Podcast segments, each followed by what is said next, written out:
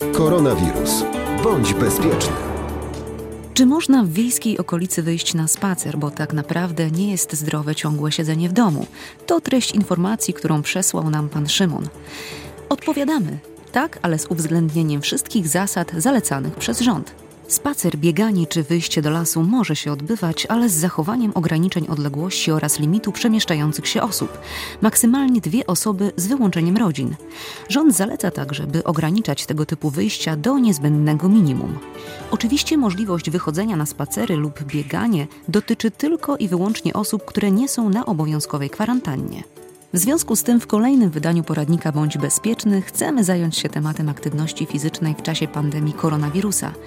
Wielu z nas nie wyobraża sobie życia bez sportu. O znaczeniu sportu w naszym życiu oraz o tym, jak być aktywnym fizycznie, porozmawiałam z Bartoszem Kroplewskim, trenerem personalnym z Akademii Zdrowia w Olsztynie. Aktywność fizyczna jest bez wątpienia mm, jednym z takich składowych elementów, które wchodzą w zbiór, który możemy szeroko pojęciu opisać zdrowiem i bez aktywności fizycznej nie jesteśmy w stanie o jakimkolwiek zdrowiu mówić, bo aktywność fizyczna to nie jest tylko tak naprawdę, jak większość z nas uważa, kontrola naszej masy ciała, czyli zazwyczaj jest to spalanie zbędnych kilogramów.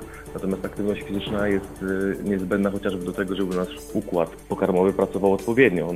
Ruch wpływa bardzo korzystnie na perystaltykę jelit, a jak y, myślę, że coraz więcej osób ma tego świadomość, nasz układ pokarmowy, czyli jelita, to jest centrum odporności, to jest coś, co tak naprawdę stanowi największą barierę przeciwko większości infekcji, na które nasz organizm jest narażany. Co byś polecił naszym słuchaczom w związku z tym? Na pewno musimy mieć świadomość, że ruch na świeżym powietrzu zawsze będzie o jeden szczebel wyżej niż ruch w zamknięciu. Chociażby z tego faktu, że przy wzmożonej aktywności fizycznej nasz układ oddechowy jest zdecydowanie bardziej aktywny i jesteśmy w stanie się zdecydowanie lepiej dotlenić. I myślę, że taką formę aktywności, przynajmniej w tych pierwszych etapach kwarantanny, no bo też nie jesteśmy w stanie przewidzieć do końca, jak długo ta cała sytuacja, przyznajmy, nietypowa będzie trwała. Natomiast dopóki mm, jesteśmy w tej początkowej fazie, to ja zaleciłbym nie wiadomo jak przysposabiać się do treningu w domu.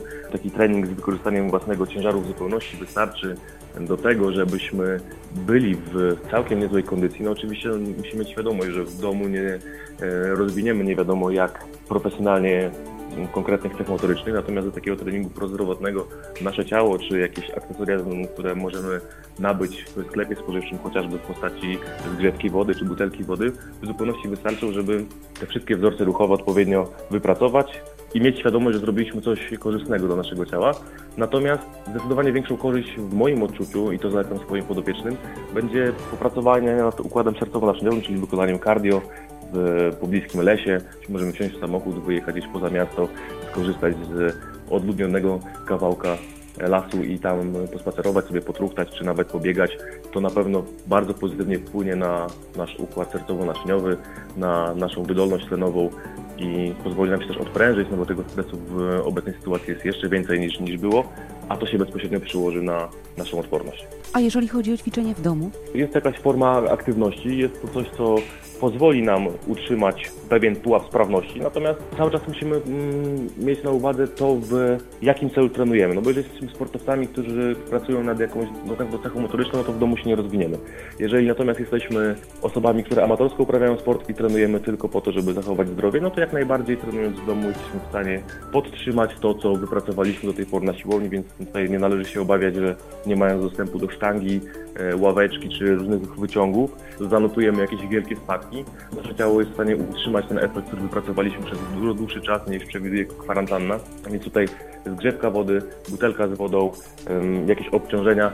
Ja na przykład posiadając y, zwierzaki w domu mogę skorzystać z, worków ze żwirkiem, każdy z nich ma po 14 kg i w zupełności to wystarcza, żeby jakąś kondycję zachować i y, nie robić kroku do tyłu w pracy nad naszą wydolnością, nad naszą E, formą.